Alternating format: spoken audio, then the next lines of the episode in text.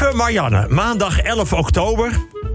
Ja, ik maak echt graag een praatje in de buurt. Echt waar, echt waar. En ik eh, prima. Maar soms heb je haast. En dan is er één buurvrouw die dan heel vaak opeens naast me staat... als ik mijn fiets los sta te maken. En die begint dan met een zin die je gelijk een heel gesprek intrekt. Zo'n zin waarop je wel moet vragen... wat dan? Ja, je kent het wel, mensen met zo'n beginzin. Je komt er gewoon niet onderuit. Wil ik net fietsen omdat ik al laat ben... en dan krijg ik een zin als... Ah, buurman. Nou, gisteren wel geschrokken, hoor. Oh ja. Ja, probeer dan maar eens weg te fietsen. Of zeg ik net ook tegen de andere buurman... Ik hoop maar dat het niks is. Ja, dan moet je wel vragen wat. Allemaal de zinnen als... Nou, ze hebben hem dus eindelijk gevonden. Of... Volgens mij zijn ze er nu wel mee bezig. Of... Vorige week liep hij nog een marathon. Of uw vrouw lijkt hem nogal leuk te vinden. Snap je? Het is met sommige mensen in de buurt heel moeilijk om op tijd te komen. De benzineprijzen zijn inmiddels gestegen tot absolute recordhoogte. Ik wil daarom niet meer de grap horen. Ik merk er niks van. Ik tank altijd voor 50 euro. Want, nou ja, de verschillen zijn wel groot. Het maakt nogal uit of je langs de snelweg tankt of juist ergens anders. Dat scheelt zomaar 20 cent per liter of meer. Waarom is dat eigenlijk? Het is dezelfde benzine. Maar ik zie dat Jelte dat komende maandag helemaal gaat uitleggen. Mijn vrouw weet heel goed waar je goedkoper kunt tanken. Laatst was ze twee dagen weg. Was even in Oostenrijk wezen tanken voor 1,32 euro. Dinsdag 12 oktober. Vanmorgen stond er 750 kilometer file. De drukste ochtendspits sinds anderhalf jaar. Het thuiswerk heeft zich blijkbaar niet doorgezet. Terwijl ik toch vaak mensen heb horen zeggen... fijn als we weer naar het werk kunnen... maar ik blijf voortaan wel een paar dagen thuiswerken. Maar goed, die kwamen er afgelopen anderhalf jaar achter dat hun eigen partner daar ook zat. Kortom, iedereen weer onderweg. Allerlei dingen die je thuis doet, kunnen ergens anders veel spannender. In de nieuwe Superman. Hey, wacht, komt er. In de nieuwe Superman-strip komt Superman uit de kast als biseksueel. Ik vind het hartstikke goed. Er zullen veel aanpassingen komen in strips. Donald Duck krijgt een broek aan. Mega Mindy een snor. Asterix en Obelix mogen niet meer aan de versterkende middelen. En Batman is in zijn volgende avontuur opeens hetero. Door de komende hoge uh, gasprijzen zijn opeens de houtblokken niet meer aan te slepen. Het is echt een stormloop. Gisteren dacht ik hier in de buurt van Hilversum even een wandeling te maken in het bos. Ik zoeken. Weg, bos. Ik vraag aan mensen wat, uh, die daar met een aanhangwagen stonden... waar het bos was. Weg. Maar ze zeiden misschien is er op de Veluwe nog iets weg te hakken. Oranje heeft na de 1-0 overwinning vrijdag in en op Letland gisteren ook met 6-0 gewonnen van Gibraltar. En zo heeft Oranje het afzeggen voor de WK in Qatar nog geheel in eigen hand. Gibraltar lijkt zo goed als uitgeschakeld en het is toch wel een verrassing voor de nummer 196 van vorige keer. Eindelijk heeft er weer een Nederlander de Nobelprijs voor de economie gewonnen. Het is Guido Imbens. Ik weet niet precies wie het is en waar hij de Nobelprijs voor heeft gekregen. Maar ik zie Roelof hier nu gebaren dat hij dat komende dinsdag gaat uitleggen. Woensdag 13 oktober nog meer Superman-achtig nieuws. Prinses Amalia hoeft geen troonsafstand te doen als ze met een vrouw trouwt. Dan kan ze gewoon koningin worden en dan hebben we twee koninginnen. Dat heeft premier Rutte gezegd. Het klinkt als overbodig nieuws, want zo is het toch in Nederland. Maar een tijd geleden zei premier Wim Kok nog dat een prinses die met een vrouw trouwt absoluut geen koningin kan worden. Het is natuurlijk geen goed idee dat Mark Rutte premier blijft, blijft als hij met een man trouwt. Maar dat heeft niets met die man te maken. Het is gewoon geen goed idee dat Mark Rutte premier blijft.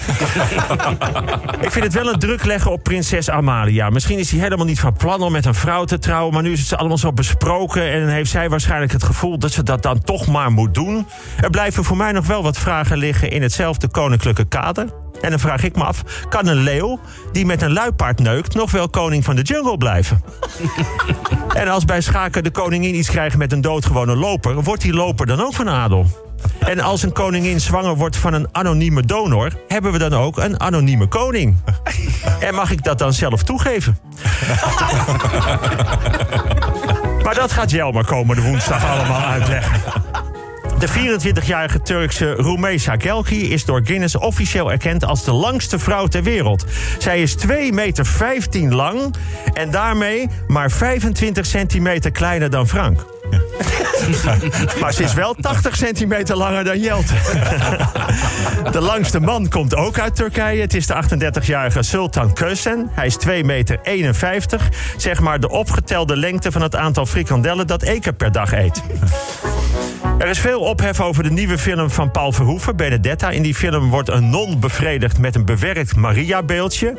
Waarom daar zoveel ophef over is en op welke manier zoiets ook heel lekker kan zijn, wil Jelmer volgende week donderdag allemaal gaan uitleggen. En de coronabesmettingscijfers lopen weer op. Dat kan te maken hebben met het percentage niet-gevaccineerden. Ik weet niet of het waar is, maar dat zal Frank volgende week vrijdag allemaal gaan uitleggen. En dan is het vrijdag 15 oktober. Ik hoor net dat ons team, het hele team met Frank, volgende week vakantie heeft. Dus zij hoeven helemaal niets uit te gaan leggen volgende week. Nou, laat ik dan iets uitleggen over geluk.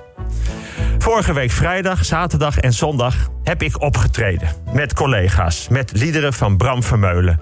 Ik snap dat wellicht een generatie Bram Vermeulen niet meer kent, maar het was een fenomeen. En wij zongen Bram. Wij, de band van Thijs Boontjes, Jentel en de Boer, Jochem Meijer... de fantastische mannen van Comilfo, de dochters van Bram... en de mannen van Nur, dus Joep, Eddie en ik. En Figo. Mijn grote vriend Figo. Na zijn herseninfarct zeven maanden geleden voor het eerst weer op het podium. En kijk hem opkomen lopen. Kwetsbaar, maar vol vertrouwen. Van zo goed als dood op straat en een ongelooflijk knappe operatie... naar heel veel geluk en maanden revalideren. Veel fysiotherapie, ergotherapie, logopedie, psychologie, traumaverwerking, sport, moeilijk verstaanbare gesprekken en alle emoties die daarbij horen. Maar daar komt hij het podium weer oplopen. Zoals de duizenden keren voor de gebeurtenis, zoals hij dat noemt. Maar nu anders dan toen. Namelijk nu weer als voor de eerste keer. Hij heeft een bal bij zich. Joep, Eddie en ik kijken hem aan. Hij knikt. Het publiek klapt. Een bal. De laatste twee maanden heeft hij enorm geoefend om een bal met een voet hoog te houden. Waarom? Voor trainen van evenwicht, coördinatie. Maar vooral om nog even te voelen wie ooit dat kleine jongetje was van ervoor. Toen hij de bal honderden keren hoog kon, houden. Maar nu is hij een nieuwe man. En hij zingt mee met het lied De wedstrijd van Bram Vermeulen. Tien keer achter elkaar kan hij het al. Deze jongen kan alles met een bal. Zeker weten dat hij tot de 100 komt. Die bal komt nooit meer op de grond. Kijk maar, het is een wedstrijd die je niet winnen kan. En het gaat maar tegen één man. Maar kijk, de wedstrijd is wel te winnen, want hij zingt. En hij houdt de bal hoog in het tussenspel. Oké, misschien zes, zeven keer. Maar ik kijk en ik denk, veel mooier dan dit kan het vandaag niet worden. En zo gaat het natuurlijk met elke week. Kijk maar om je heen als je het wil zien. Er kan van alles tegen zitten. Maar er zijn altijd wel een paar mooie momenten. En het is een goede openingszin hoor. Ik heb toch iets moois gezien? En dan moet de ander wel vragen: Oh, wat dan?